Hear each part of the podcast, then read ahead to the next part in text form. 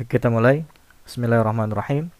Alhamdulillahillazi alasara rasulahu bil huda wa dinil haq liyuzzirahu 'ala ad-dini kulli walau karihal musyrikun.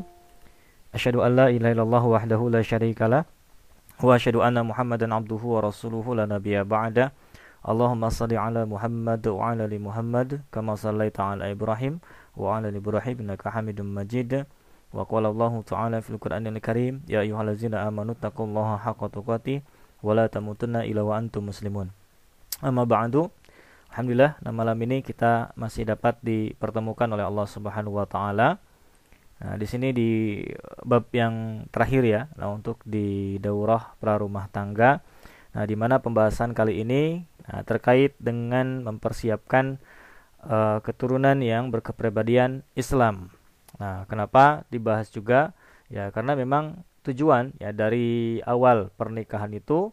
Nah jadi bukan hanya sekedar e, menikah dan udah gitu aja. Nah tetapi dalam Islam nah karena ditujukan untuk ibadah maka segala macam hal yang dilaksanakan dari mulai persiapan sampai kemudian pasca atau setelahnya ini betul-betul nanti harus menjadi peluang ibadah. Nah apalagi yang disebut ya istilah pernikahan ini kadang banyak e, yang menyebutkan ini ibadah seumur hidup gitu Nah, padahal semua ibadah juga ibadah seumur hidupnya. Nah, jadi tapi itu identiknya maksudnya ya, jangan sampai nah, aktivitas dalam uh, pernikahan ini nantinya nah, bersifat hanya sekedar mengejar duniawi saja. Nah, nah makanya kebanyakan uh, atau tidak sedikit lah paling tidak ya. Nah, kalau tidak disebut kebanyakan tidak sedikit. Nah, yang menetap, menetapkan standar dalam pernikahan itu atau dalam berumah tangga ini Nah, nanti nilainya adalah berupa materi. Nah, contohnya seperti apa? Nah, contoh ya, misalkan ketika awal menikah, kemudian tahun depan, nah itu yang dinilai adalah materi. Nah, setahun menikah sudah punya apa nih? Gitu ya. Nah, kemudian dua tahun menikah sudah punya apa? Lima tahun menikah sudah punya apa? Nah, jadi pertanyaannya itu adalah sudah punya apa? Nah, karena apa? Berdasarkan konsepnya memang. Nah, ini kalau konsep-konsep eh, apa istilahnya? Pemikiran yang masih sekuler gitu ya. Nah, itu pasti akan lebih ke materi. Nah, bukan kemudian ditargetkan ini yang jadi pertanyaan. Nah, ketika sudah beberapa lama beberapa waktu menikah, nah ini e, jarang yang kemudian menjadikan pertanyaan nah terhadap dirinya itu nah, ketika setelah sekian lama menikah. Nah, ini ibadah seperti apa saja yang kemudian dilakukan oleh seluruh keluarga yang ada di rumah. Nah, apalagi kemudian nanti bertambah nah jumlah anggota keluarga dengan adanya anak. Nah, kemudian dalam kemudian mengonsepkan uh, keturunan ini juga pun nah di mana Rasulullah SAW itu uh, amat sangat menyukai ya ketika umatnya ini uh, berada dalam jumlah yang banyak. Nah, makanya dianjurkan oleh Rasulullah SAW pun nah ini memiliki uh, banyak anak gitu. Nah, jadi tidak tidak programnya itu bukan uh, dua anak lebih baik. Nah, cuman menggeser komanya saja. Dua anak lebih baik gitu. Dua anak lebih baik. Nah, jadi bukan dua anak lebih baik. Nah, adapun nah uh, yang di apa ditujukan ya tentunya. Nah, dalam hal mempersiapkan keturunan ini bukan hanya dari segi kuantitas tentunya, tapi juga kualitas. Nah, tetapi tetap ya. Nah, kalau kita bicara peluang, nah semakin besar gitu ya peluang seseorang ini memiliki uh, keturunan yang saleh atau saleha, nah tentunya di sini harus menciptakan peluang juga yang besar.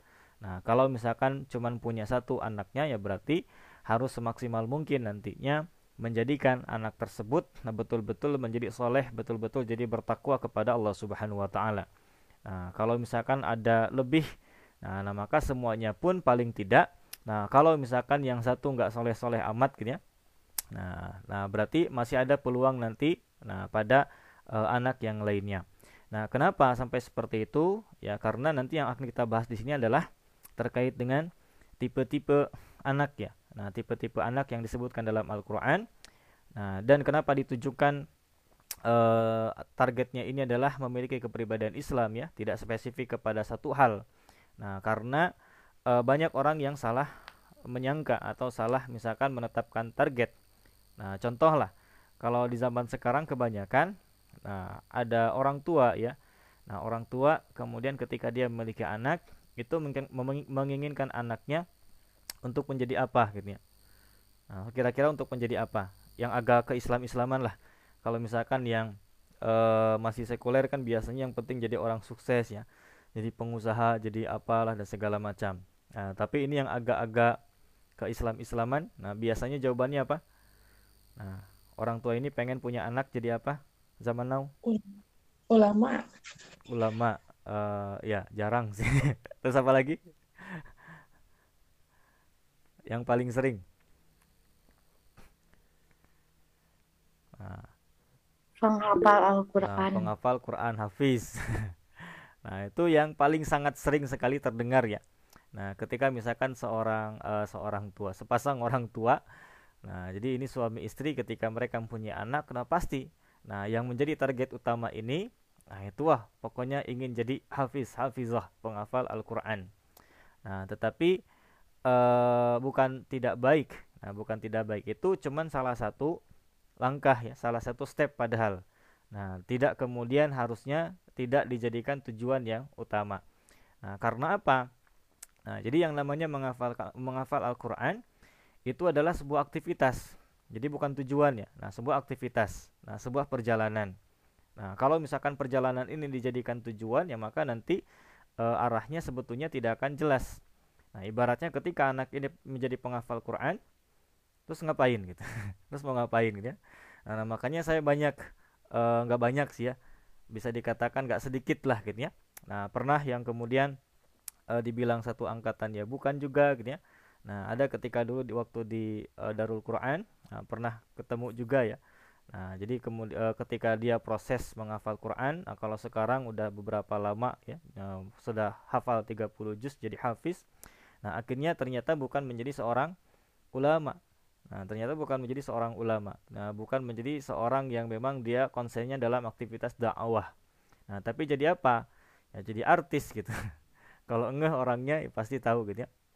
Nah, kalau. Nah, dulu waktu ketemunya masih kecil dia. Nah, sekarang jadi artis gitu. Nah, artinya e, ketika menjadikan tadi proses sebagai tujuan ini adalah ternyata tidak begitu tepat ya. Nah, sekalipun prosesnya adalah proses yang baik. Nah, nah maka yang paling uh, baik. Nah, sebetulnya nah bukan hanya nanti menginginkan nah seorang anak ini menjadi dia hafiz atau hafizah, bukan hanya sekedar menjadi penghafal Al-Qur'an.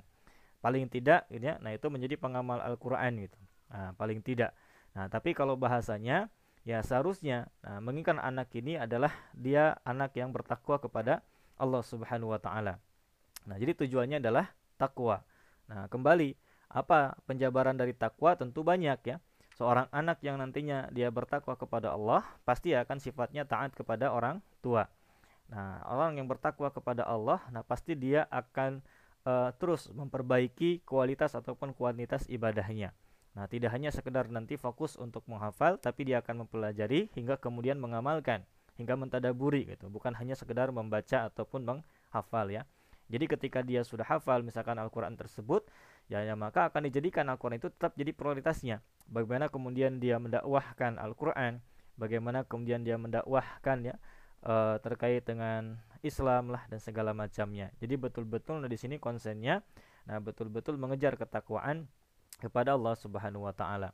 Nah, jadi itu sebetulnya nah, makanya uh, tujuan gitu ya. Nah, yang ditekankan di sini betul-betul harus memiliki kepribadian Islam.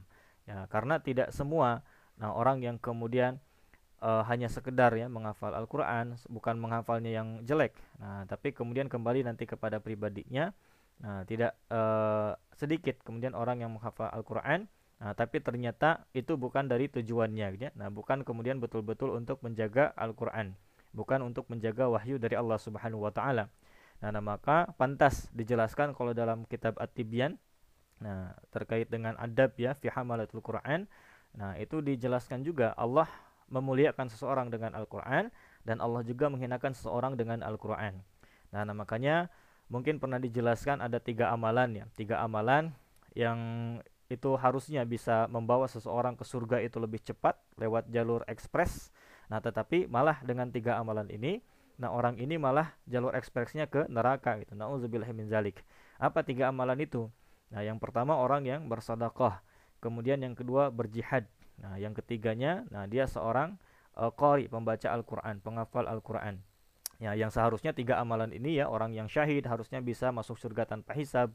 Orang uh, ahlul Quran juga, nah dia seorang qori pembaca Quran, harusnya diberikan pintu surga tanpa batas, unlimited, dijadikan keluarganya Allah Subhanahu wa taala. Yang sedekah juga sama ya. Nah, termasuk orang yang nanti uh, bisa nah dengan hartanya disedekahkan ini Nah, artinya dia amalannya sedekah, tapi amalnya dari sedekah itu ternyata dimanfaatkan untuk kepentingan Islam. Ada yang dimanfaatkan nanti untuk uh, tadi, misalkan pembangunan pesantren, ada yang pendidikan Islam, pendidikan penghafal Quran. Artinya dengan uang yang dia keluarkan, ternyata dia juga memiliki amalan-amalan yang banyak. Nah, karena memfasilitasi orang-orang yang beribadah. Nah, akan tetapi tiga orang dengan amalan ini bisa saja sewaktu-waktu ternyata yang malah lebih dahulu dijerumuskan oleh Allah Subhanahu wa taala ke dalam neraka. Kenapa? Karena salah niat. Nah, nah, makanya disebutkan kepada orang yang sedekah di situ oleh Allah disebut kazabta, engkau berdusta. Karena bersedekah ini bukan ingin mengharap pahala dari Allah Subhanahu wa taala melainkan ingin disebut dermawan oleh orang lain. Nah, begitu pula orang yang syahid bukan karena Allah tetapi kemudian karena salah niat, nah dia ingin dianggap jagoan oleh orang lain. Yang membaca Quran juga sama, yang mengajarkan Quran juga sama. Ternyata bukan karena Allah. Nah, dia membaca Quran, dia seorang kori karena ingin dianggap suaranya ini bagus. Nah, dia mengajarkan Al-Quran bukan karena Allah, tapi ingin dianggap pintar nah, oleh orang lain. Nah, nah makanya kata Allah kepada orang e, tiga orang tadi, nah itu disebut kazabda, engkau telah berdusta. Nah, maka kemudian dihempaskan oleh Allah Subhanahu wa taala ke neraka. Nah, nah maka sekali lagi Nah, jadi bukan berarti amalan itu jelek ya. Nah, tetapi justru target nah, dari kita semua nah, yang harus tekankan juga nanti kepada anak-anak. Nah, kepada anak-anak ini, nah bukan hanya kemudian menjadikan proses itu sebagai tujuan. Nah, proses biarkan itu adalah menjadi sebuah sebuah proses pembelajaran. Akan tapi tujuannya, nah ini adalah uh, takwa ya kepada Allah hak dengan sebenar-benar takwa. Nah, jangan sampai nanti kemudian meninggal dalam kondisi yang tidak beriman kepada Allah Subhanahu wa taala. Nah, nah makanya uh, ini ya. Nah, nanti kita akan kenali uh, beberapa hal gitu ya. Nah, tipe-tipe anak nah di dalam Al-Qur'an yang disebutkan dan kita harus mengenali tujuannya buat apa. Nah, tujuannya ketika sudah mengenali tipe-tipenya, nah ini kita harus berusaha semaksimal mungkin nah supaya nanti bisa mempersiapkan keturunan ini ke tipe yang terbaik. Nah, jadi ke tipe yang memang itu diridhoi oleh Allah Subhanahu wa taala. Nah, kalaupun misalkan ternyata Allah uh, takdirkan nah kepada tipe yang tidak diinginkan, nah, nah maka sebisa mungkin nah kita akan tahu nanti bagaimana cara menyingkapinya. nah, yang pertama kita harus pahami dulu. Nah, di sini kesalahan uh, pertama ya. Nah, di dalam mengonsepkan Nah, mengonsepkan uh, keturunan. Nah, ini ada dijelaskan di hadis arba'in. Ini nomor hadis yang keempat. Cukup panjang terkait dengan proses kejadian manusia di rahim. Nah, yang pertama di sini An Abi Abdurrahman nah Abdullah bin Mas'ud radhiyallahu anhu qala dari Abu Abdurrahman ya Abdullah bin Mas'ud radhiyallahu anhu ia berkata haddatsana Rasulullah sallallahu alaihi wasallam Nah, jadi telah dikabarkan ya, telah disampaikan kepada kami dari Rasulullah SAW. Nah, wahwa sadiqul masduqa dan sesungguhnya ya Rasul itu adalah seorang yang sangat benar dan sangat bisa dipercaya sekali. Nah, inna sesungguhnya ahadukum nah, salah seorang di antara kalian yujma'u khalquhu fi batni ummihi arba'ina yauman nutfatan Nah, di sini salah seorang di antara kalian itu yujma'u dikumpulkan khalquhu penciptaannya fi batnihi di dalam perut ummihi ibunya arba'ina yauman. Nah, selama 40 hari nutfatan yaitu berbentuk nutfah. Nah, di sini konsep yang pertama ketika manusia diciptakan oleh Allah Subhanahu wa taala di dalam rahim, nah, nah maka selama 40 hari itu adalah berupa nutfah. Apa itu nutfah? Nah, di sini uh, perkembangan ya Nah, jadi pertemuan antara uh, sel laki-laki dengan perempuan sudah terjadi pembuahan. Itu disebut dengan nutfah. Lamanya adalah selama 40 hari. Nah, selanjutnya summa kemudian yakunu alaqatan. Nah, kemudian menjadi ya berubah menjadi alaqah. Nah, alaqah di sini sesuatu yang melekat mirip kalimatnya dengan lintah. Nah, sama di bahasa Arab ya dengan kalimat alaqah lintah. Nah, makanya ini dibuktikan juga secara medis ternyata perkembangan janin dari nutfah kepada alaqah ini betul-betul nah bentuknya mirip dengan lintah kemudian cara melekatnya juga sama ya melekat ke dinding rahim itu seperti melekatnya lintah gitu. Nah kemudian misla zalik sama seperti yang tadi. Maksudnya misla zalik ini adalah selama 40 hari.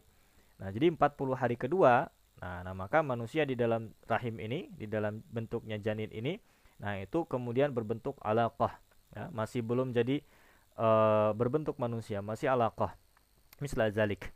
Nah selanjutnya nah summa yakunu mudghatan misla zalik. Nah, kemudian berubah ya. Nah dijadikan lagi mudghah. Mudghah ini segumpal daging kalau terjemah sederhananya. Nah atau misalkan di sini yang dimaksudkan mudghah di sini sudah berbentuk seperti manusia ya. Jadi matanya sudah ada terlihat telinganya tangan sama jari-jarinya ini sudah sempurna. Kemudian jenis kelaminnya sudah kelihatan Nah, itu selama 40 hari ke 3. Nah, berarti di sini total ada 120 harinya. Nah, 120 hari itu ya 4 bulan. Nah, 4 bulan.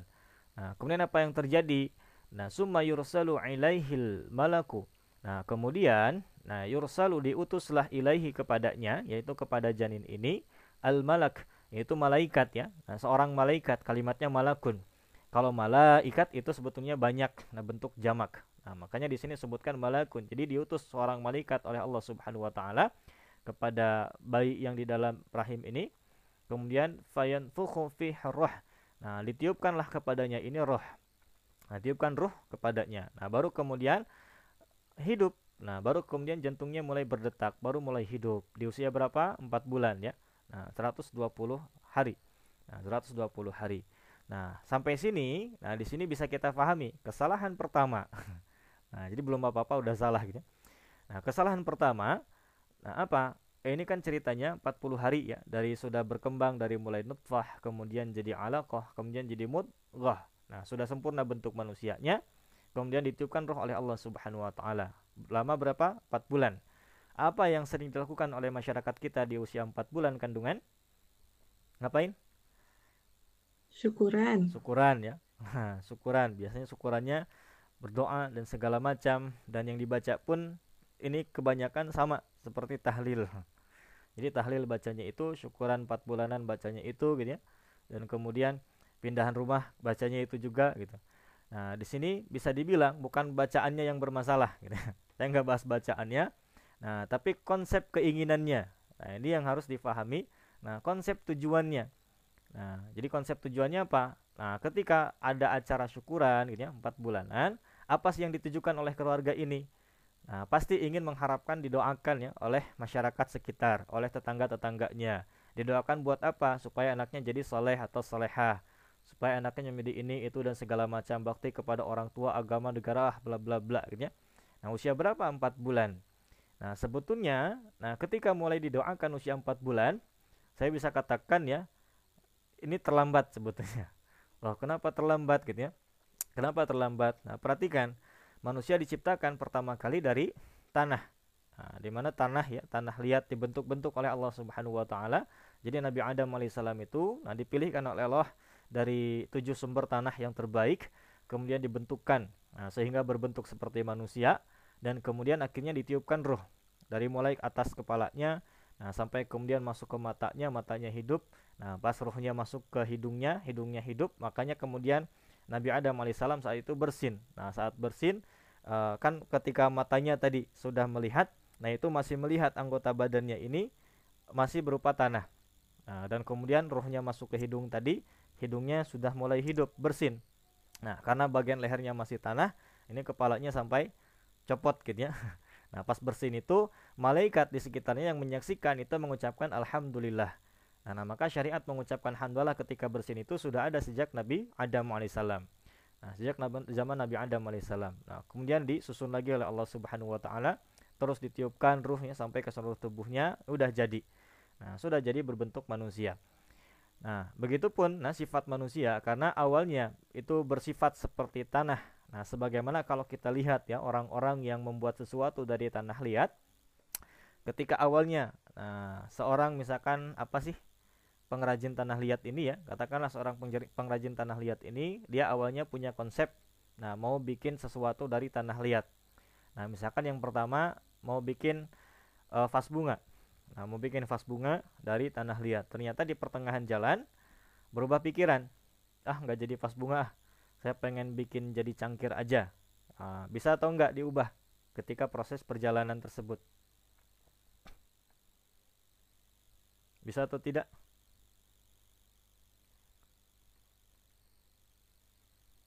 Halo, halo.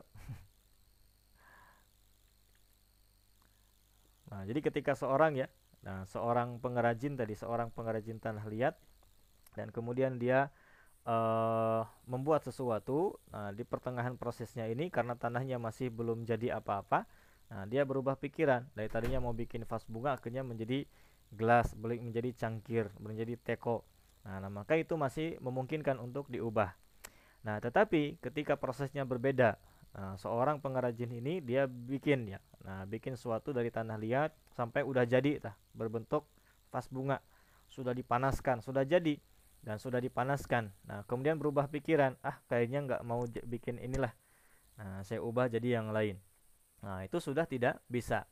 Nah, kenapa sudah tidak bisa? Ya tanahnya sudah keras karena sudah berbentuk. Nah, tidak bisa kemudian diubah. Ketika diubah, nah di sini berarti Nah, pasti bakal hancur ya. Nah, pasti bakal hancur, harus dihancurkan dulu dan segala macam.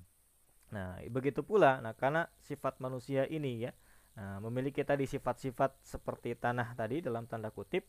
Nah, memiliki sifat-sifat seperti tanah, maka ketika seorang ini baru berharap sesuatu, baru kemudian berdoa pada saat yang memang Allah sudah membentuk, sudah sempurna bentuknya, sudah ditiupkan ruh kepadanya. Nah, maka tadi kenapa saya bilang ini agak-agak terlambat gitu ya.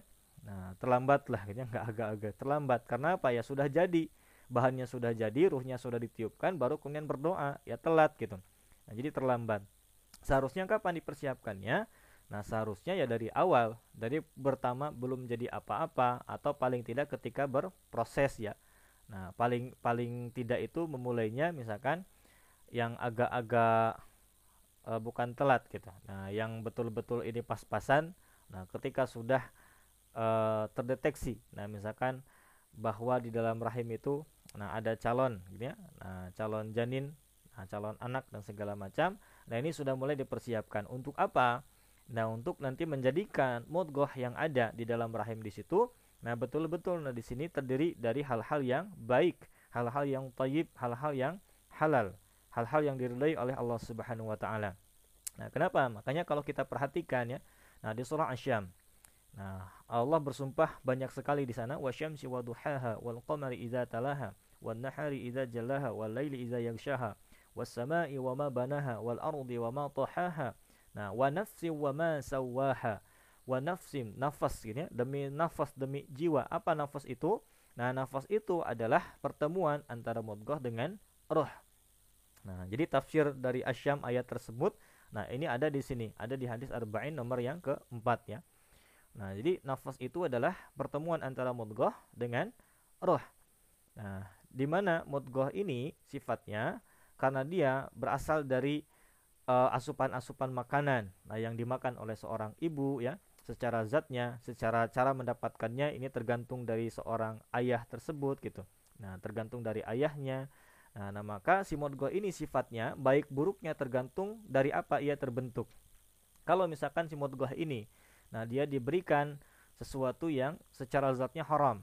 Nah, nah maka akan menjadi di sini menjadi yang menjadi daging itu yang menjadi alaqah yang menjadi mudghah ini nantinya uh, akan tercampur dengan zat-zat yang diharamkan ataupun bukan zat yang diharamkannya, yang haramnya yang masuk itu tetapi adalah cara mendapatkannya. Nah, ini haram gitu ya. Nah, cara mendapatkannya tidak halal. Nah, berasal dari hal-hal yang haram atau paling minimal syubhat. Nah, tidak jelas halal haramnya. Nah, maka itu sebetulnya harus dihindari. Kenapa? Karena sedikit saja tercampur. Nah, nah maka mudghah ini, nah dia akan semakin membawa peluang-peluang kefujuran. Apa itu fujur? Fujur itu adalah peluang-peluang atau potensi kemaksiatan nantinya. Nah, maka tadi kita lanjutkan fa'al apa wa nafsi wa ma sawaha fa'alhamaha fujuraha wa taqwaha.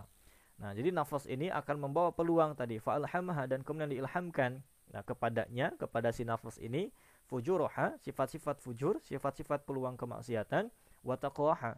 Nah, dan juga sifat-sifat bertakwa.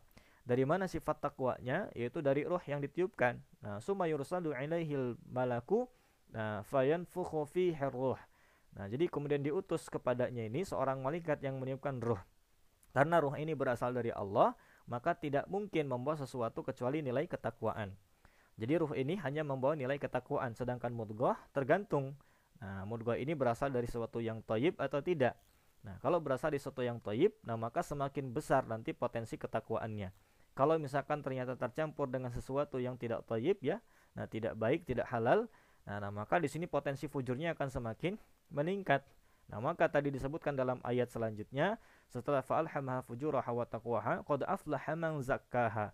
Nah, maka beruntunglah orang-orang zakkaha yang berusaha mencucikan dirinya. Maka kemudian menjadi judul, ini tazkiyatun nafas.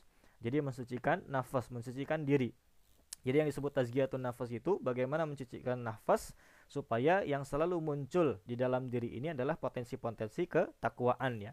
Nah, bukan potensi-potensi kefujuran. Caranya gimana? Dengan menekan tadi eh, peluang fujur, nah sehingga yang muncul adalah peluang ketakwaan. Nah, contohnya cara penekanannya adalah dengan uh, puasa misalkan. Ini bukan maksudnya puasa ketika hamil ya. Ini mah ketika kita sudah besar seperti sekarang. Nah, sudah dewasa, Nah, yang sudah bisa berikhtiar sendiri, nah ketika melakukan salah satu aktivitas yang disebut dengan tasgiyatun nafas itu, salah satu caranya adalah dengan berpuasa. Kenapa? Karena orang puasa itu pasti sedang menekan fujurnya, eh, potensi fujurnya. Buktinya apa? Nah, ketika orang yang hobi gibah, ketika puasa, pasti paling minimal dia stop dulu. Paling tidak sampai maghrib gitu ya. Nah, misalkan pas siang hari lagi ngegibah gitu, eh enggak kan kita lagi puasa, misalkan bulan Ramadan siang-siang masa ngegibah malah nanti nggak ada pahalanya nanti tunggu maghrib lah nah jadi paling minimal dia nunggu waktu maghrib ini. Karena apa? Ketika puasa ini pasti nah orang ini akan mikir-mikir ketika dia berbuat maksiat. Nah maka itu salah satu bentuk tasgiyatun nafas. Nah di sini supaya tadi yang disebut zakah menyempurnakan uh, apa? Potensi rohnya gitu ya. Nah potensi ketakwaan yang ada pada ruhnya. Nah itu tadi dipersiapkan dari awal. Supaya nanti si mudghahnya ini jangan sampai ada sesuatu yang masuk ini berasal dari sesuatu yang diharamkan. Nah, berasal dari sesuatu yang tidak tayyib. Nah, jadi halal tayyib itu sepaket ya. Sekalipun berbeda, serupa tapi tak sama gitu ya. Nah, tapi harus sepaket.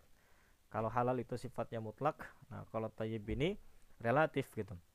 Tayyib itu relatif. Nah, jadi tadi Nah, dikatakan mempersiapkan ini betul-betul dari awal.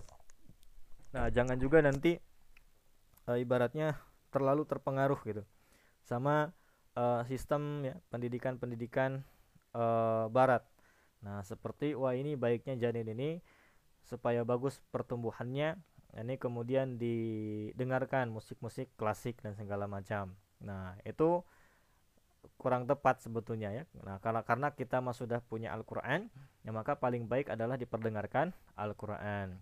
Nah, dan bahasa diperdengarkan di sini tentunya adalah langsung dibacakan. Nah, jadi langsung dibacakan oleh misalkan orang tuanya, oleh ibunya kah yang paling dekat ya tentunya, oleh ayahnya atau keduanya gantian.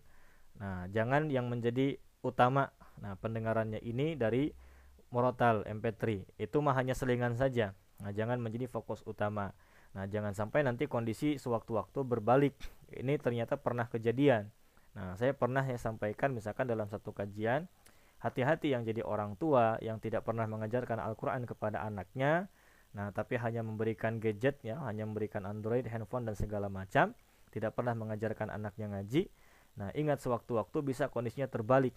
Nah, ketika orang tua ini meninggal, nah, nah maka yang akan mengajikan orang tua ini bukan anaknya, tapi siapa? MP3 ya di Androidnya. Dan ternyata betul kejadian ada yang seperti itu gitu ya nah kejadian nah, tapi sebelum meninggalnya betul-betul karena anaknya nggak bisa ngaji ya sudah nah itu disetel MP3 murotal. Nah, kan miris gitu ya. Nah miris karena memang orang tuanya yang seperti itu juga. Nah, nah makanya nah ketika diperdengarkan itu langsung jadi komunikasi langsung gitu ya. Apalagi ketika baca Qurannya langsung nah itu menanamkan pendengaran-pendengaran yang terbaik nah kepada uh, calon anak tadi. Nah, itu persiapannya. Jadi bukan pas empat bulan sudah jadi sudah ditiupkan ruh, sudah jadi mudgoh, baru kemudian didoakan. Nah, ini bisa dikatakan tadi terlambat toh udah jadi gitu ya. Nah, atau udah jadi harusnya sebelum-sebelumnya. Terus perhatikan apa yang masuk ke dalam tubuh, terus perhatikan apa yang masuk ke dalam pendengarannya.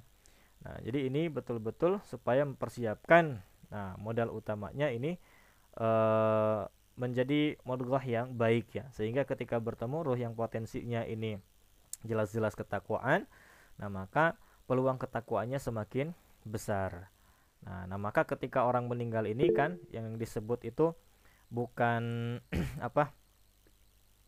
Ya, bukan yang kembali atau misalkan yang dicabut ini ruhnya, tapi nafasnya, ya. Nah, tapi nafasnya. Kenapa? Karena kalau misalkan dicabut ruhnya, ruhnya yang kembali kepada Allah, ruh itu hanya membawa nilai-nilai takwa. Tapi ketika yang dicabutnya, makanya bahasanya kulun nafsin zaikotul maut, bukan kulun ruhin zaikotul maut, tapi kulun nafas. Jadi setiap mudgoh yang sudah bertemu dengan ruh, nah itu akan mengalami maut kematian. Yang akan kembali kepada Allah adalah nafasnya, dua-duanya. Sehingga uh, ini mirip seperti kalau kalau kita pinjam kendaraan, misalkan pinjam motor kepada orang lain, nah yang dikembalikan ini kan kalau belum dicuci pasti sama kotor-kotornya ya, sama bekas uh, jalannya sama bekas kotorannya dan segala macam ini ketika dikembalikan nah begitu juga kita diri kita manusia ketika kembali kepada Allah ini dalam kondisi yang belum membersihkan diri ya akan terbawa kotor-kotornya juga. Nah, nah maka sama halnya tadi ketika kita pinjam kendaraan sama orang lain sebelum dikembalikan misalkan dicuci dulu nah, nah maka pas kembalinya ini sudah bersih. Nah, kita juga sama sebelum nanti kembali kepada Allah, nah, maka e, kalau dibersihkan dulu nah, sifat-sifatnya sikap-sikapnya nah maka kembali kepada Allah dalam kondisi yang bersih. Nah berarti di sini persiapan memiliki anak juga bisa dijadikan ladang perbaiki diri bagi para orang tua. Ya pasti. Nah itu kesempatan yang sangat baik sekali ya. Nah untuk sama-sama memperbaiki diri. Nah karena apa? Ya karena seburuk-buruk ya. Seburuk-buruk masa lalu orang tua nah itu pasti nggak akan pengen. Nah punya uh, seorang anak yang juga buruk ya. Pernah berkelakuan buruk misalkan seperti dirinya.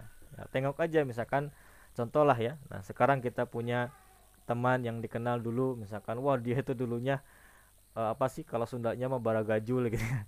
atau misalkan katakan uh, terlibat premanisme dan segala vandalisme lah atau apalah ikut geng motor. Tapi tetap aja pas begitu punya anak ter dimasukkan ke madrasah dimasukkan ke sekolah agama gitu ya.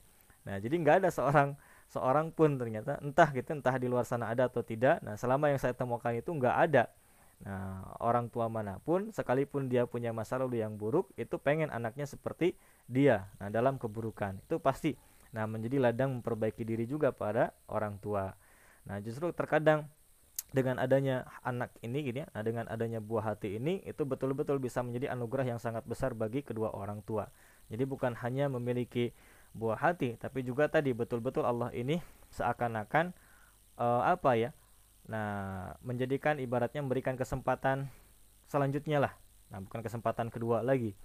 Nah the next chance ini kesempatan selanjutnya. Nah untuk setiap orang tua itu bisa memperbaiki diri. Nah jadi bisa. Nah kalau yang dalam hal tadi memperbaiki diri baru tidak ada istilah terlambat gitu ya. Nah tidak ada istilah terlambat. Nah sekalipun tadi kalau mendoakan gitu ibaratnya sudah kejadian kan ibaratnya gini ketika kita mau memperingatkan orang uh, anak ya pas dia main-main lari-lari pas begitu jatuh bruk jatuh. Eh awas hati-hati jatuh. Ya jatuhnya udah kok. Nah baru kemudian diingatkan kalau mau dari sebelumnya. Nah jadi seperti itu ya sederhananya. Nah jadi jangan sampai ini sudah jadi mudgoh sudah berbentuk manusia wah sudah sempurna uh, apa bentuknya kemudian sudah ditutupkan ruh sudah bertetak jantungnya.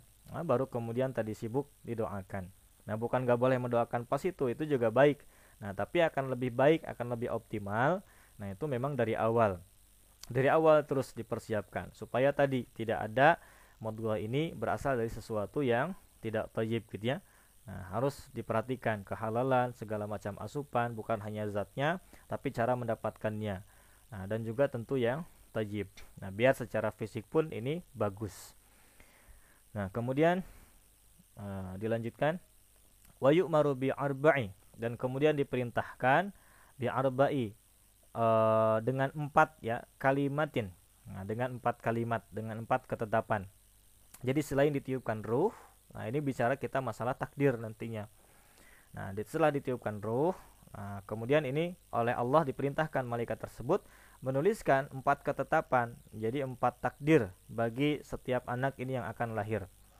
Yang pertama apa?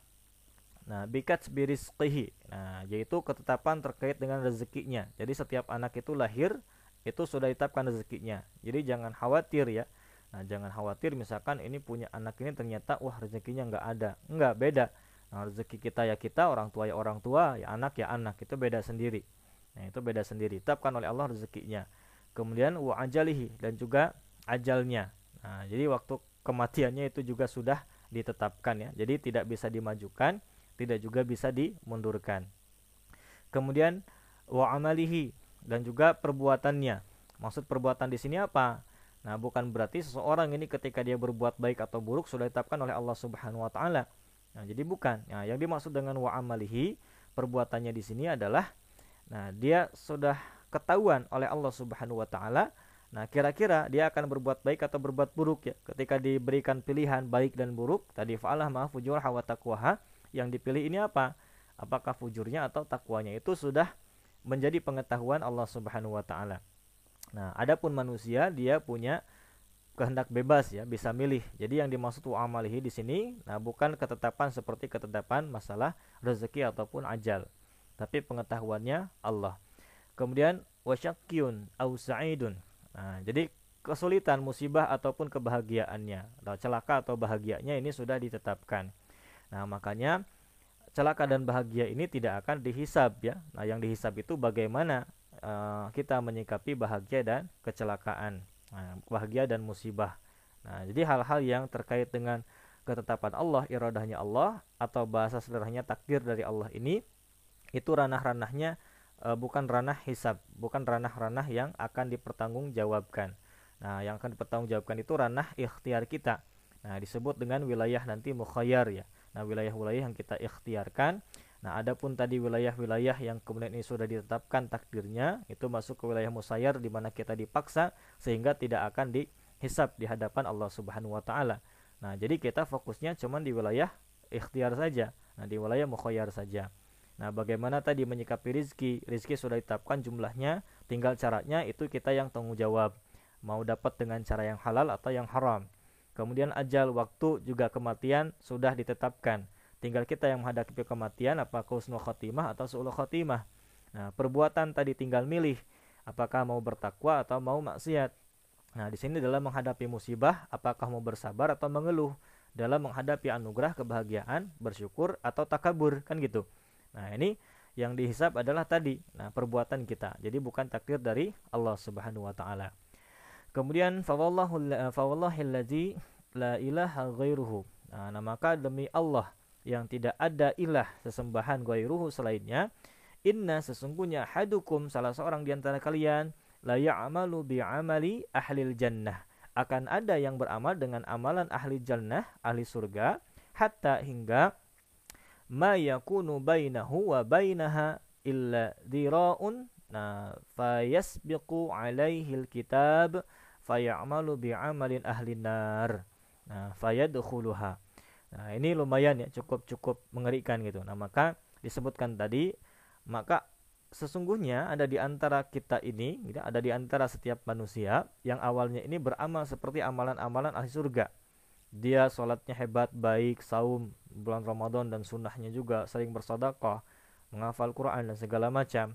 Nah, ternyata nah di sini hatta hingga mayakunu bainahu wa bainaha. Nah, antara dia dan dengan surga ini gitu ya, dengan surga ini nah tidak ada jarak ila zara'un fayasbiqu alaihi, cuman sejengkal saja gitu. Cuman sejengkal ini istilah ya saking dekatnya.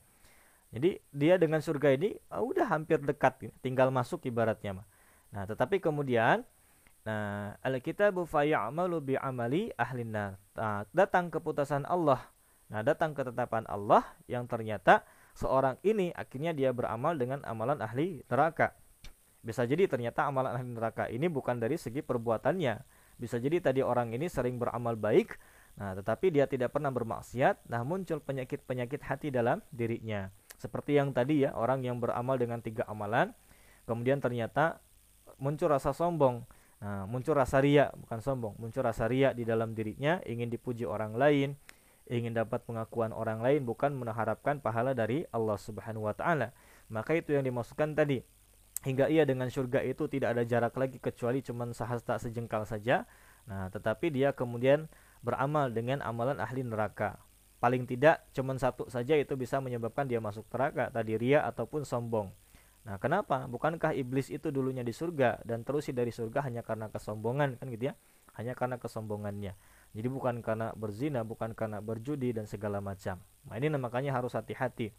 Nah, jadi ketika kita sudah berbuat baik, nah maka itu perlu tetap istiqomah sampai nanti di penghujung usia tetap dalam kondisi taat kepada Allah Subhanahu wa taala. Nah, kemudian ada lagi Nah, wa inna ahadikum dan sesungguhnya ahadakum salah seorang di antara kalian nah la ya'malu bi amali ahli nar. Nah, ada yang beramal dengan amalan ahli neraka hatta hingga ma yakunu bainahu wa bainaha nah, hingga jarak antara dirinya dengan neraka tersebut illa tidak ada kecuali zira'an tidak ada jarak kecuali fayas biqu alaihi. Nah, jadi uh, illa zira'an ya tidak ada jarak kecuali sedikit saja. Nah, zira'an. Kemudian fayasbiqu alaihi ditetapkanlah kepadanya itu alkitab ya. Nah, jadi ditetapkan keputusan dari Allah Subhanahu wa taala fayamalu bi amali ahlil jannah fayadkhuluha. Nah, hingga kemudian dia melakukan amalan seperti amalannya ahli surga dan dia dimasukkan ke dalamnya. Nah, ini juga sama. Ada orang yang awalnya nanti bermaksiat, gitu ya, sering bermaksiat kepada Allah Subhanahu wa taala. Nah, sampai jarak antara dirinya dengan neraka ini ya tinggal masuk aja ibaratnya. Nah, tetapi ternyata di penghujung hayatnya, nah dia bertobat kepada Allah Subhanahu wa taala dan ternyata Allah menerima taubatnya. Akhirnya dia e, masuk ke dalam surga, dimasukkan ke dalam surga. Nah, tapi jangan salah paham. Jangan kemudian kita ambil kesimpulan, oh itu mahnya kalau seperti itu mah eh, nggak uh, usah kita taat-taat banget asalkan nanti di penghujung hayatnya taubat saja ya kalau tahu kapan meninggalnya silahkan ya nah yang jadi masalah kan kita nggak tahu Nah, kapan kemudian uh, waktu kita meninggal. Nah, makanya sampai-sampai nah orang yang berpikiran seperti itu bisa jadi yang ternyata masuk ke dalam hadis ini. Nah, ketika dia berpikir ya, nah dia tadinya sering beribadah, akhirnya kemudian karena salah faham dalam menafsirkan hadis gitu ya, nah, dia tafsirkan sendiri. Oh, kalau gitu mengapain saya capek-capek beribadah? kalau gitu biasa aja nanti di penghujung hayat itu tobat. Akhirnya pas sudah terucap demikian, betul-betul dia jadi mengurangi ibadahnya yang wajib ditinggalkan. Ya, pas di perjalanan ketabrak mati, ya sudah selesai ya. Itu ciri beramal ya, di penghujung hidupnya. Nah itu soal khatimah. Nah min zalik. Nah, nah maka tugas kita ya tetap istiqomah ya. Karena tadi yang namanya maut tidak diketahui kapan. Nah itu nyambung dari masalah uh, apa mempersiapkan tadi mempersiapkan kelahiran Nah, sampai kemudian jangan sampai itu ya tadi e, menjadi mudgoh itu berasal dari sesuatu yang tidak baik. Nah, berasal dari sesuatu yang diharamkan oleh Allah Subhanahu wa taala. Nah, kemudian tadi terhadap ketetapan Allah, terhadap takdir yang ditetapkan oleh Allah Subhanahu wa taala, nah tidak perlu dirisaukan. Yang perlu kita perhatikan adalah bagaimana sikap kita. Nah, dalam menyikapi apa-apa yang telah ditakdirkan oleh Allah Subhanahu wa taala. Nah, kemudian yang ketiganya tadi Nah, jangan sampai nanti kita berpikiran ya beramal nanti saja di penghujung hayat. Ya, kalau tahu akhir hayatnya kapan ya silahkan saja. Nah, masalahnya kita tidak pernah tahu. Nah, makanya sampai uh, ada ya. Nah, kalam seorang ulama itu menyampaikan yang paling dekat itu dengan kita adalah kematian. Nah, tidak pernah tahu. Jadi nggak usah nunggu dajjal datang, nggak usah nunggu ya Ma'jud, nggak usah nunggu Nabi Isa turun, nggak usah nunggu Imam Mahdi muncul gitu ya. Nah, jadi yang mau kematian nggak usah nunggu tanda-tanda kiamat besar. Nah, itu justru yang harus selalu kita persiapkan. Beramal seakan-akan ya besok ini meninggal. Nah, itu tadi. Nah, nah makanya sekali lagi persiapannya ini bukan pas 4 bulan ya.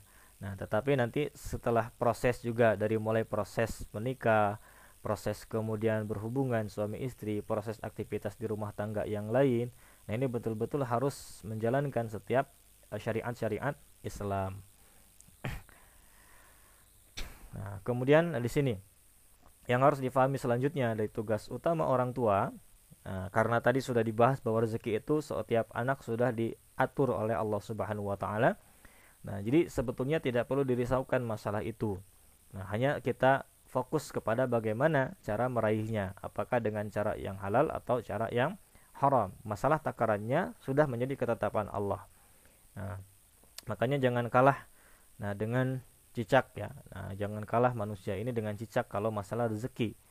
Cicak aja yang nggak bisa terbang, makanannya nyamuk yang terbang. Nah, tapi kita nggak pernah lihat cicak itu gantung diri gitu. Nah, stres gitu. Aduh, makanan saya terbang, saya nggak bisa terbang. Nah, mati aja lah gitu. Nah, bunuh diri. Nggak ada. Nah, kalaupun kita ngelihat uh, ada cicak jatuh itu bukan karena dia menjatuhkan diri ya, seperti manusia menjatuhkan diri dari gedung yang tinggi gitu karena stres. Enggak karena stres nggak punya uang dan segala macam. Nah, takut rezekinya tidak tercukupi. Nah, nggak ada. Cicak aja bisa sabar, bisa legowo padahal termasuk oh, hewan yang fasik. Nah, masa kita manusia yang ini apalagi dikaruniai akal terlebih beriman kepada Allah Subhanahu wa taala. Nah, ini berputus asa terhadap rezeki yang sebetulnya sudah Allah tetapkan kepada kita. Nah, nah, makanya fokus orang tua ini bukan masalah tadi, nah bukan masalah bab rezeki saja. Itu mah sudah tugasnya Allah. Nah, apa tugasnya? Di sini sampaikan di Quran surah At-Tahrim ayat yang ke-6, ya ayyuhallazina amanu qu anfusakum wa ahlikum nara. Nah, wa quduhan nas wal hijarah. Nah, 'alaiha malaikata uh, malaikatun ghilazun shidadul la ya'sunallaha ma amarahum wa yaf'aluna ma yu'marun. Wahai orang-orang yang beriman, nah di sini uh, ku anfusakum peliharalah dirimu wa ahlikum nara dan juga keluargamu dari api neraka ya di mana waquduhan nar wal hijarah waquduhan nas wal hijarah yang bahan bakarnya ini dari manusia dan juga batu. Nah, di sini apakah uh, ku anfusakum memelihara diri kita ini mudah atau berat ya tentunya berat ya. Nah, tetapi kenapa Allah tidak sampaikan istilah-istilah yang seperti memberatkan? Ya, karena di awalnya sudah diseru dengan kalimat iman, ya ayyuhallazina amanu. Maka sudah seharusnya ketika seorang ini punya modal keimanan dalam dirinya, nah ini akan dengan mudah nah menjalin bagaimana memelihara dirinya dari api neraka, memelihara keluarganya dari api neraka. Maka kemarin kemudian sudah dibahas ya terkait dengan masalah dayus, terkait dengan masalah nusyus. Nah, itu yang harus dihindari. Nah, jangan sampai melakukan hal-hal yang semacam itu, akhirnya jangankan keluarga yang diselamatkan, diri sendiri saja ini tidak selamat. Nah, gara-gara ada aktivitas yang uh, tidak dibenarkan dalam syariat gitu ya. Nah, dalam syariat. Jadi ini fokus yang utama. Nah, jadi kita sekali lagi cukup memfokuskan diri terhadap tugas kita masing-masing. Nah, jangan sampai nanti tugasnya Allah itu uh, kita mau ambil alih nanti repot gitu ya repotnya seperti apa sama juga uh, seperti uh, konsep suami dan istri ya masing-masing ini nanti punya tugas kewajiban. Nah jadi yang jadi istri fokus kepada kewajiban istri saja. Nah nanti yang jadi suami dia fokus kepada kewajiban suami saja. Nah jangan kemudian ketika menjadi istri tugas suami malah diambil alih repot. Nanti antara hamba dengan Allah nah sudah sama punya tugas masing-masing. Nah, kita sebagai hamba, sebagai manusia, fokus kepada tugas sebagai hamba, sebagai manusia, beribadah kepada Allah Subhanahu wa taala. Allah punya tugasnya sendiri dengan menetapkan rezeki, dengan mencukupi kehidupan kita dan segala macam.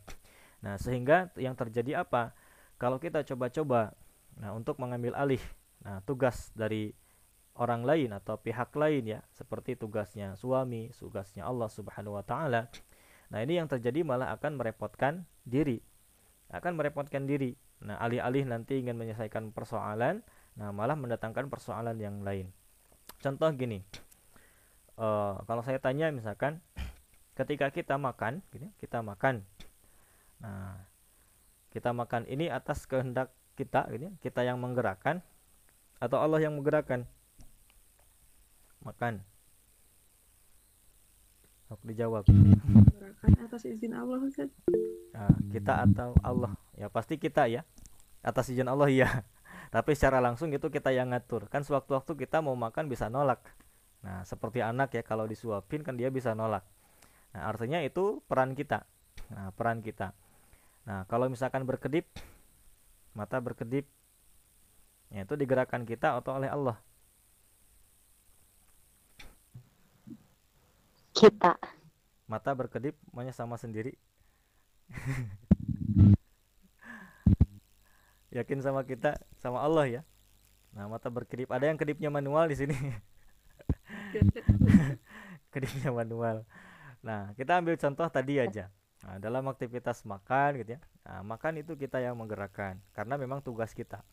Nah kemudian ketika mata berkedip itu bukan tugas kita mengedipkan mata. Nah mau kita ambil alih coba ambil alih tugasnya Allah. Nah, mata kedip nah, rentang 5 detik 1 2 3 4 5 kedip lagi hitung lagi 5 lakukan seperti itu 30 menit apa yang terjadi repot ya. Nah repot lah bernafas apalagi? Nah, bernafas. Nah itu udah tugasnya Allah ya menjadikan kita ini bernafas otomatis. Nah ada yang di sini nafasnya manual kan? Enggak ya alhamdulillah.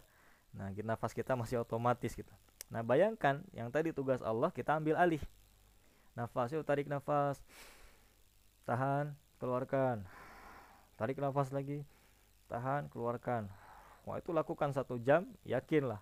Gempor kan nah jadi intinya apa yang udah tugas Allah ya sudah itu tugas Allah subhanahu wa ta'ala nah jangan sekali-kali nanti kita ambil alih nah, jadi kalau kita ambil alih ya repot nah, jadi Allah punya kekuasaan kita mah tidak Nah, jadi kebayang pas makan juga kita mah cukup makannya saja. Masalah nanti makanan sudah masuk kerongkongan sampai terus dicerna itu udah bukan tugas kita ya. Nah, jadi nggak kebayang kalau semuanya harus kita yang ambil alih. Makan, hmm, gerakan telan, kerongkongan. Ayo ke bawahkan dulu. Bentar. terus sampai masuk ke mana lambung dulu ya. Habis lambung cerna dulu. Ya, gitu susah gitu. Nah, biarkan selebihnya ini tugas Allah Subhanahu wa taala.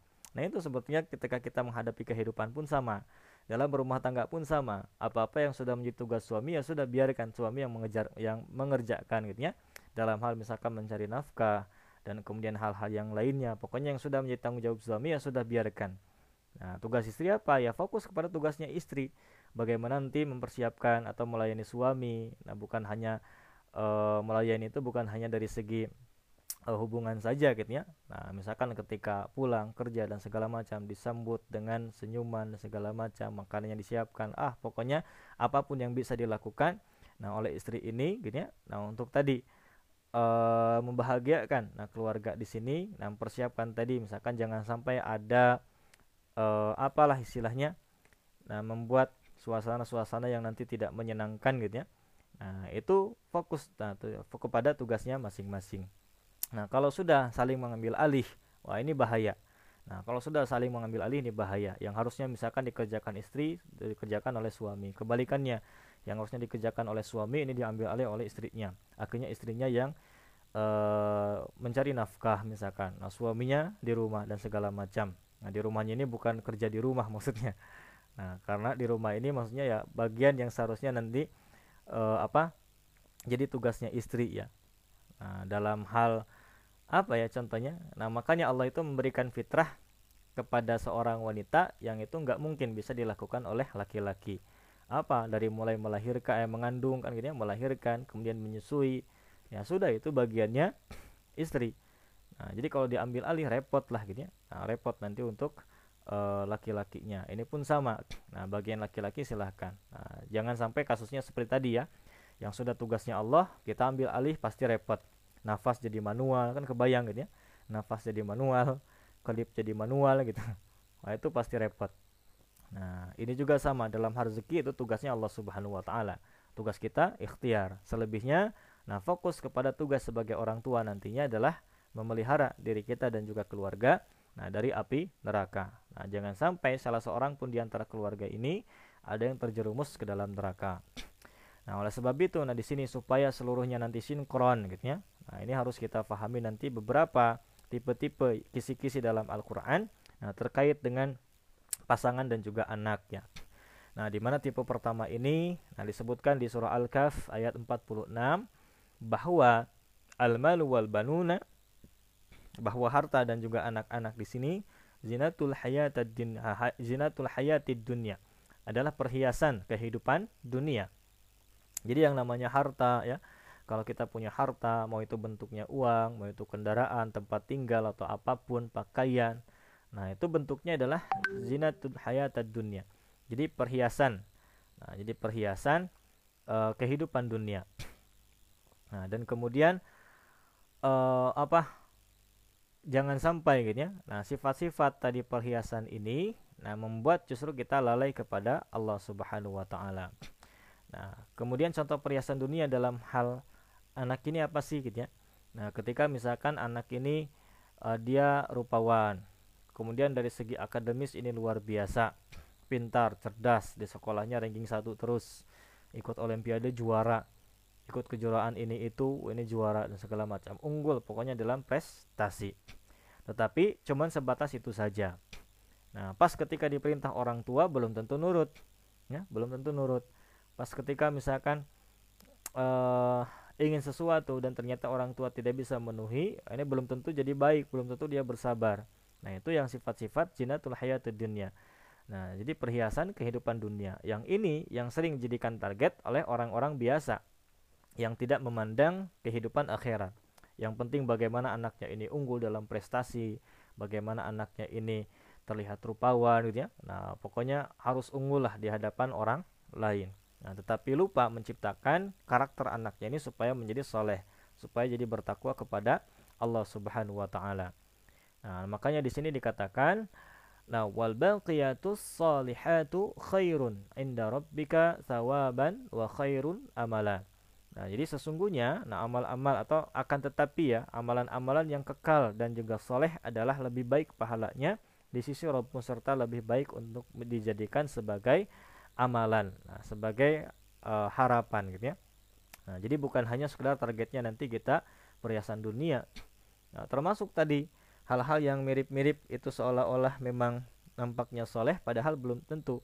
Nah karena kebanyakan aktivitas-aktivitas yang sekarang ya yang memang seharusnya jadi amalan-amalan akhirat ketika disinggung kepada urusan dunia nah nantinya bisa menghilang nah tujuan akhiratnya Contohnya apa? Banyak orang tua yang kemudian nanti memfokuskan anaknya untuk tadi misalkan menghafal Quran dan segala macam. Tujuannya buat apa? Dunia lagi ternyata. Supaya nanti dapat uh, penghargaan lah, juara lomba hafiz dan segala macam gitu ya. Nah, itu harusnya amalan-amalan yang sudah menjadi amalan akhirat itu jangan kemudian diarahkan nah untuk memenuhi uh, apa istilahnya? memenuhi hajat dunia gitu ya. Nah, memenuhi kepuasan dunia maksudnya. Nah, justru sudah bagus gini, sudah bagus tadi amalannya adalah amalan akhirat. Maka tinggal diarahkan tetap istiqomah di jalan uh, Allah Subhanahu wa taala. Jangan sampai tadi dirusak. Nah, sudah kemudian ini calon baik ya, misalkan calon amal-amal saleh malah dijadikan dikembalikan kepada zina dunia, perhiasan dunia saja. Nah, ini tipe yang pertama. Nah, ini bagus dari segi dunia saja. Di akhirat tapi belum tentu. Nah, kemudian selanjutnya tipe yang kedua nah ini yang paling bahaya ini yang paling bahaya nah yang dulu juga kalau nggak salah pernah sekilas dijelaskan ya di grup nah, yaitu tipe aduun apa aduun musuh ya yuhallazina amanu inna min azwajikum wa auladikum aduwan lakum fahzaruhum nah, di At-Taghabun ayat ke-14 wahai orang-orang mukmin orang-orang beriman sesungguhnya di antara istri-istrimu Nah, ini berarti yang peluang jadi aduun itu lebih besar dari wanita ya. Karena ditujukan awalnya untuk laki-laki. Nah, yang paling besar menjadikan adu itu, nah itu pihak wanita. Tapi tetap berlaku kias kalau dalam fikih. Nah, jadi bisa jadi yang ternyata jadi adu itu nah dari pihak laki-lakinya, dari pihak suaminya. Gak usah khawatir ya. Nah, seperti siapa? Fir'aun kan gitu ya. Istrinya luar biasa soleha. Nah, tapi dapat suaminya ini menjadi aduun, musuh dunia akhirat. Nah, itu juga ada kan itu contohnya. Nah, nah makanya uh, jangan sampai terkecoh dengan istilah apa ya? Uh, pasangan itu cerminan hidup. Cermin itu maksudnya apa? Banyak. Ini maknanya karena itu tidak berasal dari pepatah Islam, ini ya. Nah, ini maknanya bisa melebar, bisa ke mana-mana. Nah, ibaratnya dalam dunia uh, apa istilahnya? Kalau atlet-atlet juga kan sama ya ibaratnya. Contohlah petinju yang paling hebat lah, ini yang dikenal zaman-zaman sekarang atau dulu-dulu agak-agak kemarin-kemarin Mike Tyson misalkan kira-kira kalau duel sama pelatihnya menang mana nah ya pasti menang Mike Tysonnya misalkan ya padahal itu pelatihnya yang melatih dia sampai jadi juara tapi kenapa mau-maunya berlatih sama orang yang belum tentu lebih jago daripada dirinya ya karena memposisikan nah pelatih ini adalah cermin nah ini kan berarti cermin ini bukan berarti mirip ya Nah, maksudnya apa? Memposisikan pelatih sebagai cermin itu supaya bisa melihat kekurangan yang ada pada dirinya. Nah, jadi bisa kemudian menasihati, oh ini kurangnya di sini, ini kurangnya di sini. Nah, kalau misalkan itu dikaitkan dengan rumah tangga, cermin ini juga bukan berarti serupa. Nah, bukan berarti serupa ya. Kalau misalkan suaminya ini punya sifat A, istrinya juga punya sifat A, itu enggak, belum tentu. Nah, bisa jadi justru tadi ya, cermin ini berlaku kebalikan.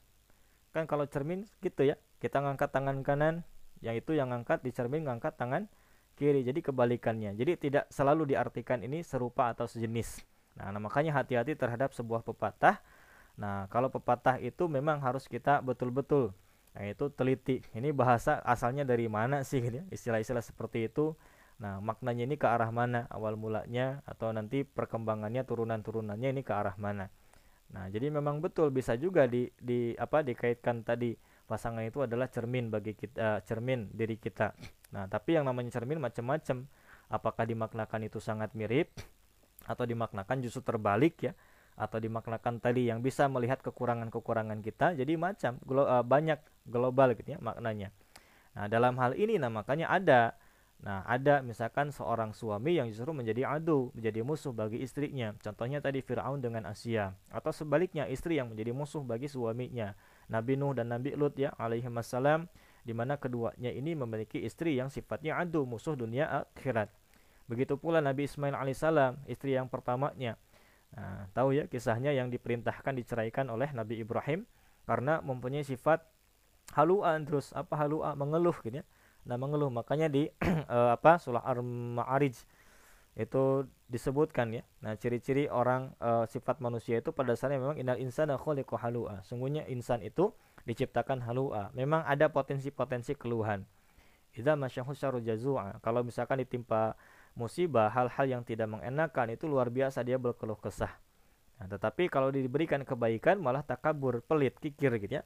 Nah, takabur kepada Allah Subhanahu wa taala. Illa kecuali al-musallin, orang-orang yang melaksanakan salat.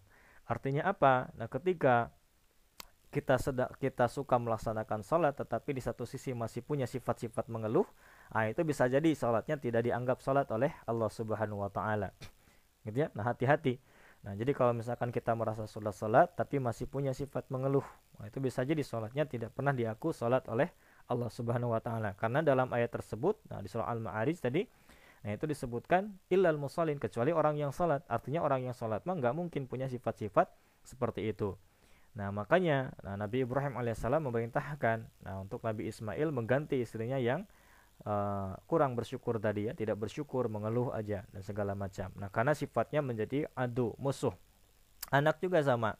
Nah, anak kalau tidak hati-hati, nah kita dalam proses mendidik ya, nah itu bisa menjadi adu. Nah, ngelihat anak bukan malah jadi senang tapi uh gitu ya. Nah, jadi kayak kemusuh aja gitu. Nah, menjadi tidak tenang. Nah, pas ketika ada misalkan uh, seorang ayah ini baru pulang kerjanya ngelihat anak bukan malah senang, nah bukan malah menghilang lelahnya, tapi malah semakin berat bebannya gitu. Aduh ini anak. Nah itu hati-hati. Ini tipe yang harus dihindari. Tipe yang harus dihindari. Kemudian yang ketiga ada tipe fitnatun yaitu cobaan. Nah, cobaan. Inna amwalukum wa auladukum fitnah. Nah di sini mas e, atagabun 15 ya harusnya. Nah, salah ketik. Copas nggak diedit. Wa auladukum fitnah. Jadi Sesungguhnya ada di antara harta-harta kalian dan juga anak-anak kalian itu fitnatun. Ya, cobaan. Cobaan ini berlaku umum.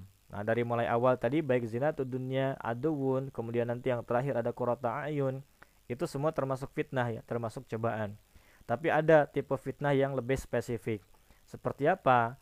Nah, seperti misalkan ternyata ya anak ini mohon maaf terlahir disabilitas ya, disabilitas. Ada yang misalkan dalam kondisi lumpuh otak atau cacat secara fisik gitu. Nah, itu menjadi fitnah, menjadi cobaan. Nah, tinggal kembali kepada orang tuanya sikapnya seperti apa nih ini. Ini sikapnya seperti apa. Nah, kalau berhasil tetap bersabar, nah itu luar biasa. Ini anak akan bisa menjadi penolong nanti di surga, nah, di akhirat gitu, supaya bisa uh, mengantarkan kepada surga. Tapi kalau dihadapinya tadi dengan keluhan lagi, nah dengan rasa menyalahkan kepada Allah Subhanahu wa taala ya, Nah, itu malah akan menjadi dosa. Sudah mah diberikan anak dengan tipe fitnah, malah berdosa lagi. Nah, akhirnya nggak enaknya jadi dua kali gitu. Wallahu indahu ajrun azim. Nah, maka tadi sisi Allah pahala yang besar. Gak masalah nanti diberikan anak seperti apa pun oleh Allah Subhanahu wa taala. Nah, yang dipermasalahkan, yang dipersoalkan itu bagaimana nanti kita menyikapinya.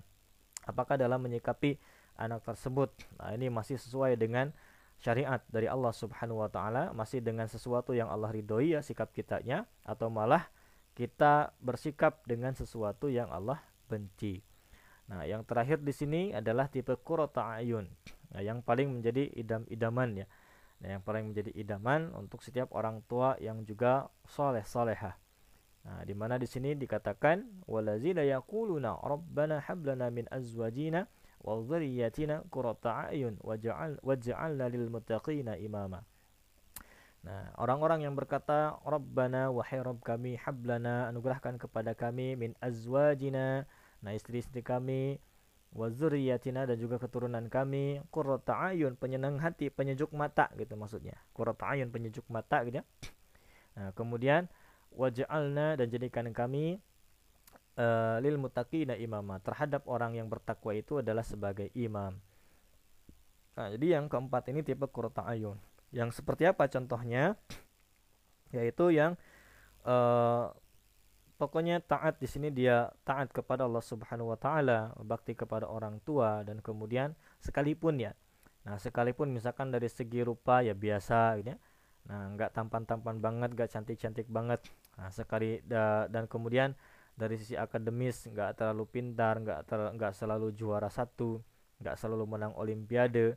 Nah, tapi ketika misalkan diperintah orang tuanya selalu nurut, Nah, ketika misalkan orang tuanya pulang kerja ini melihat anaknya langsung hilang rasa capeknya, uh, pokoknya nikmat lah. Ngelihat aja itu sudah luar biasa. Ngelihat anak aja ini sudah tenang gitu ya. Nah, itu tipe anak korota ayun. Nah, nah maka ketika kita ingin ya memiliki keturunan yang seperti ini atau bahkan menjadi pasangan yang seperti ini, nah itu betul-betul kalau menjadi pasangan seperti ini berarti menjadi istri yang korota ayun. Nah, korota ayun ya berarti harus terus berusaha menjadi yang terbaik. Nah menjadi yang terbaik. Nah, nah makanya di awal sudah disampaikan ya fokus terus menjadi yang terbaik. Nah nggak masalah nanti sifat suaminya seperti apa gitu karena kan yang dinilai ini amal sendiri nah amal pribadi nah jadi amal pribadi yang selalu difokuskan diprioritaskan terlebih dahulu baru nanti kita memohon kepada Allah Subhanahu wa taala. Nah supaya apa? Mendapatkan juga hal-hal yang baik. Nah jadi mulai dari perbaiki diri baru kemudian baru boleh ya. Nah jadi baru boleh kemudian nanti meminta yang terbaik juga untuk diri kita. Nah kalau diri tadi adalah terus berusaha menjadi yang terbaik memperbaiki diri. Kalau tadi mempersiapkan keturunan selain tadi ya nah selain tadi yang sudah disampaikan mempersiapkan dari mulai uh, berumah tangga nah supaya menjadi uh, memiliki keturunan yang baik kurata ayun nah maka tahapan selanjutnya jangan lupa karena Allah yang muqallibal qulub, yang maha membolak-balikan hati. Nah, ini selalu kita berdoa kepada Allah ya. ya makanya di sini bahasanya bukan pernyataan tapi permintaan. Bisa dibandingkan dengan yang sebelumnya ya. Ini pernyataan, sesungguhnya. Ini sesungguhnya. Nah, ini pernyataan juga. Nah, tapi bagian yang keempat kalimatnya bukan pernyataan, tapi permohonan. Nah, maka di sini kodenya dari Allah Subhanahu wa taala untuk menjadikan anak itu korota ayun itu nggak bisa kita yang mengikhtiarkan sendiri harus ada peran Allah di sana harus ada doa yang dipanjatkan kepada Allah Subhanahu wa taala kenapa karena sejatinya ya anak ini adalah milik Allah ya anak ini milik Allah bukan punya kita gitu ya nah bukan punya orang tuanya. Nah makanya kan bahasanya titipan gitu. Bahasanya titipan bukan dimiliki. Nah cuman kemudian diberikan hak asuh saja sebetulnya. Nah, nah makanya sama persis kalau kita ketitipan anak orang lain kira-kira berani nggak sewenang-wenang kepada anak tersebut? Nah, kan enggak ya? Ada ketitipan anak titip dulu ya sebentar saya pergi gitu ke sana. Paling satu jam lah. Nah, akhirnya iya so, ternyata anaknya ini nah, macem-macem nah macem-macem. Oh, berani nggak kita nggak macem-macemin juga? Itu enggak karena pada pikirnya oh nanti bakal dibawa lagi nih sama orang tuanya. Kalau diapa-apain nanti ketanyaan juga gitu ya.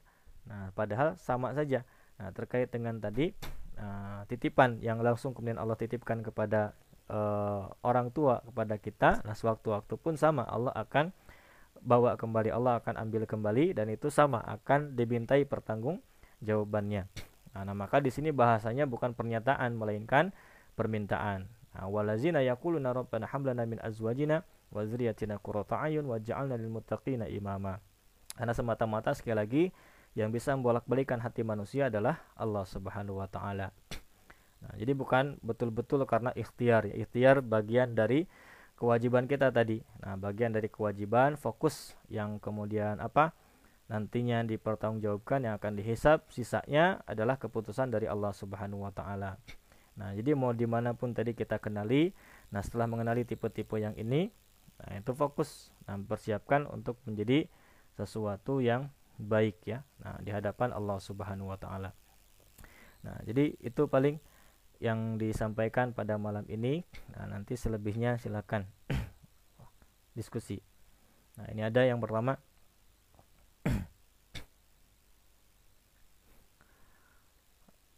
Dosa orang tua yang belum benar-benar ditaubati bisa nurun ke anaknya ya. Uh, tergantung. Uh, kalau dalam prosesnya seperti ini ya bisa terjadi ya. Nah tapi betul-betul uh, nanti makanya dalam masalah uh, taubat itu nah, di dalam bahasan taubat nanti ada istilah uh, apakah kesalahannya itu uh, hanya kepada Allah Subhanahu wa taala atau nanti kesalahannya kepada orang lain Nah, kalau misalkan kesalahannya hanya kepada Allah Subhanahu wa taala, nah maka dia cukup nah nanti bertobat itu ya menyelesaikan urusan-urusannya dengan Allah Subhanahu wa taala tanpa terlibat uh, dengan orang lain. Nah, tapi justru yang akan menjadi sulit itu ketika uh, seorang ini dia punya kesalahan nah, terhadap orang lain ya, nah bukan kepada Allah. Nah, kalau kepada orang lain, nah, maka harus selesai urusan dengan orang tersebut gitu. Nah, harus selesai dengan orang tersebut. Nah, kalau terkait dengan tadi eh, apa yang pernah di sini contoh eh, misal pernah berzina kalau tidak bertobat nanti anaknya dizinahi atau berzina. Nah, ini maksudnya ada juga yang karena eh, tidak jujur ya. Nah, misalkan si anaknya ini tidak bernasab kepada ayahnya maksudnya. Nah, jadi anaknya tidak bernasab kepada ayahnya tetapi diwalikan juga oleh ayahnya tersebut itu kan akhirnya pernikahannya tidak sah. Nah maka tadi dihitung nah sebagai zina ya. Nah seperti itu juga bisa. Sekalipun tidak langsung. Nah si anak ini dia berbuat maksiat.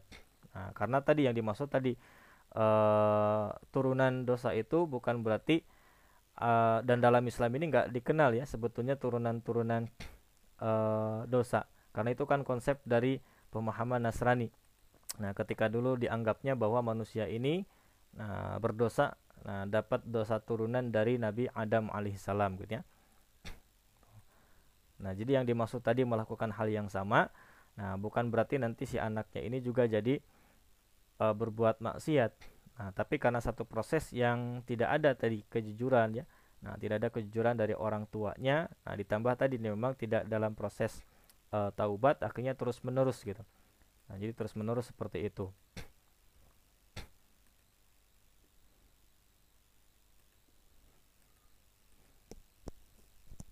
Gitu ya. Hukum KB dalam Islam bagaimana?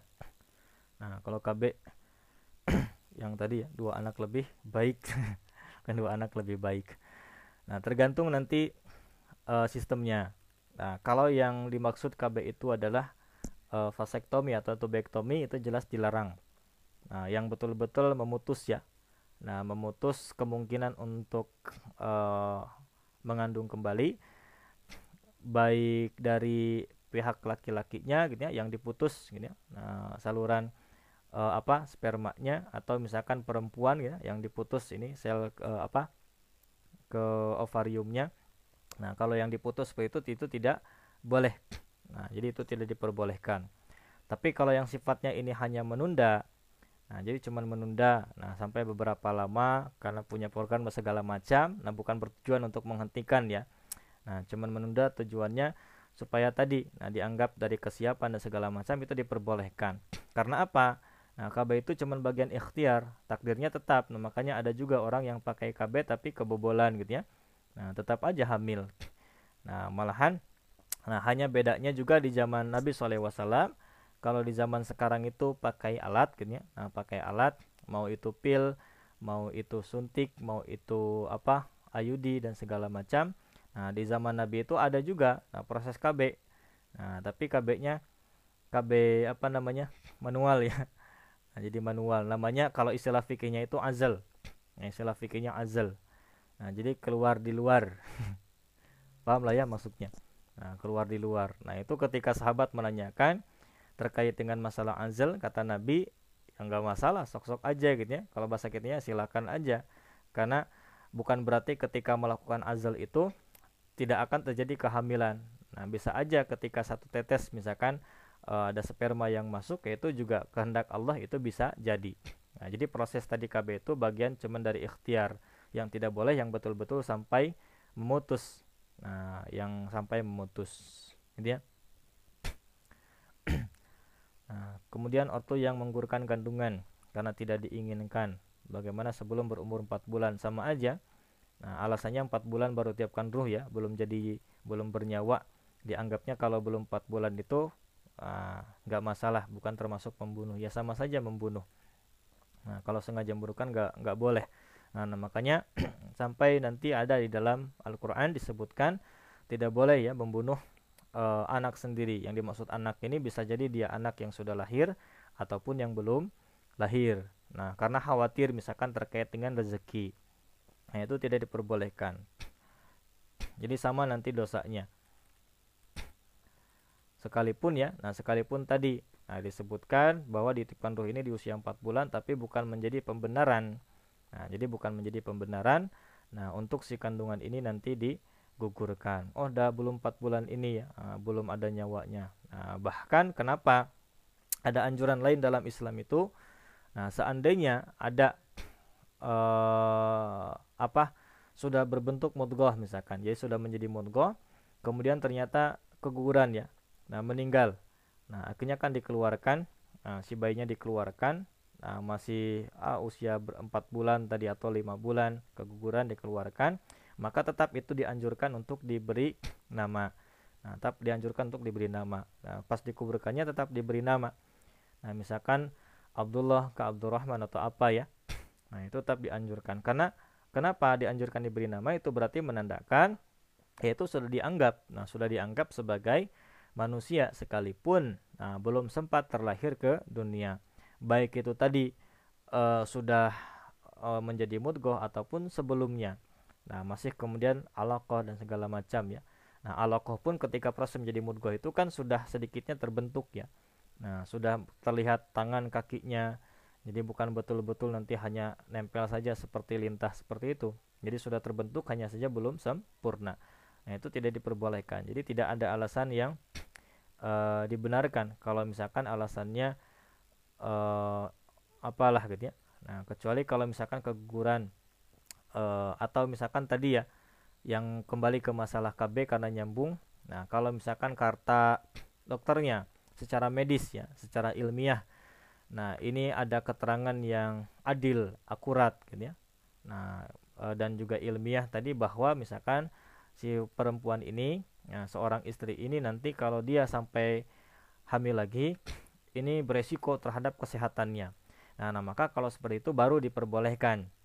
Nah, diperbolehkan untuk e, melakukan KB yang sampai diputus ya.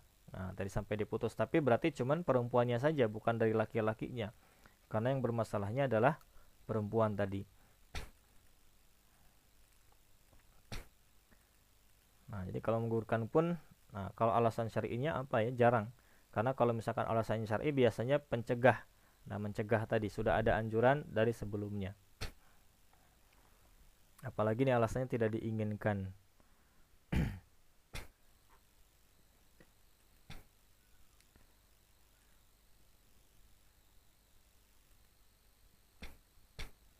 Itu ya bisa difahami.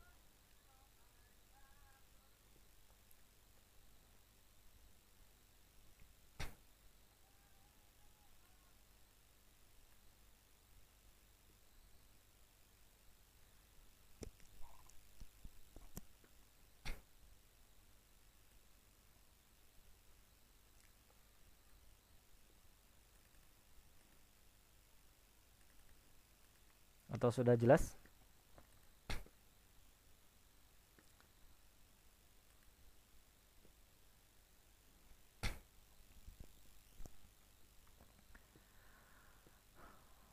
baik ya. Nah insyaallah. Nah misalkan kalau tadi sudah difahami jadi sedikit uh, mereview. Oh ya terakhir udah empat ya. Nah tapi tetap nanti silakan aja kalau misalkan ada yang mau dibahas. Nah karena ini kan uh, ada yang ikut juga di bulugul ya. Nah buka-buka aja di bab nikah. Nah dari mulai kita bun nikah Nah, itu dibaca-baca. Kalaupun nanti ada pertanyaan, itu silakan disampaikan di grup. Nah, tetap boleh kemudian dibahas secara diskusi ya. Nah, kalau nanti kalaupun nanti ada lanjutannya uh, terkait dengan tadi fikih-fikih uh, munakahat yang lain yang ada di kitab tersebut, nah itu nanti insya Allah bisa diagendakan uh, lah.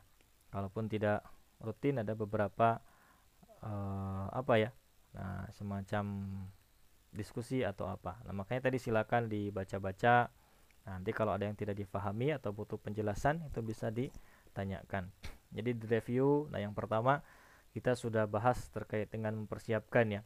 Nah, mempersiapkan diri dan kemudian langkah-langkah dari awal sampai nanti ijab kabul bahkan sampai walimah dari mulai nazar, kemudian khidbah, baru kemudian ta'aruf. Di sana ada masa khiyar, Nah, sampai nanti terjadi waktunya pernikahan. Nah, baru masuk nah ke rumah tangga. Kemudian di pertemuan keduanya nah itu kemarin dulu uh, apa nah dibahas terkait dengan pelaksanaan pernikahan dan walimah ya. Nah, jangan tampil uh, bukan jangan tampil mewah. Nah, jangan fokus untuk tampil mewah, nah tapi fokusnya untuk mencari berkah. Nah, mencari berkah. Nah, yang ketiganya terkait dengan fikih-fikih yang justru harus dihindari dari mulai sifat dayus, nusyus, nah, dan juga hal-hal yang lainnya. Nah, yang terakhir tadi, nah itu terkait dengan uh, mempersiapkan nah, keturunan yang berkepribadian Islam. Tentunya di sini bukan hanya keturunan tapi keluarga juga. Nah, yang berkepribadian Islam. Nah, jadi supaya nanti uh, dalam aktivitas kesehariannya, nah ini tetap berada di jalur nah yang diridhai oleh Allah Subhanahu wa taala.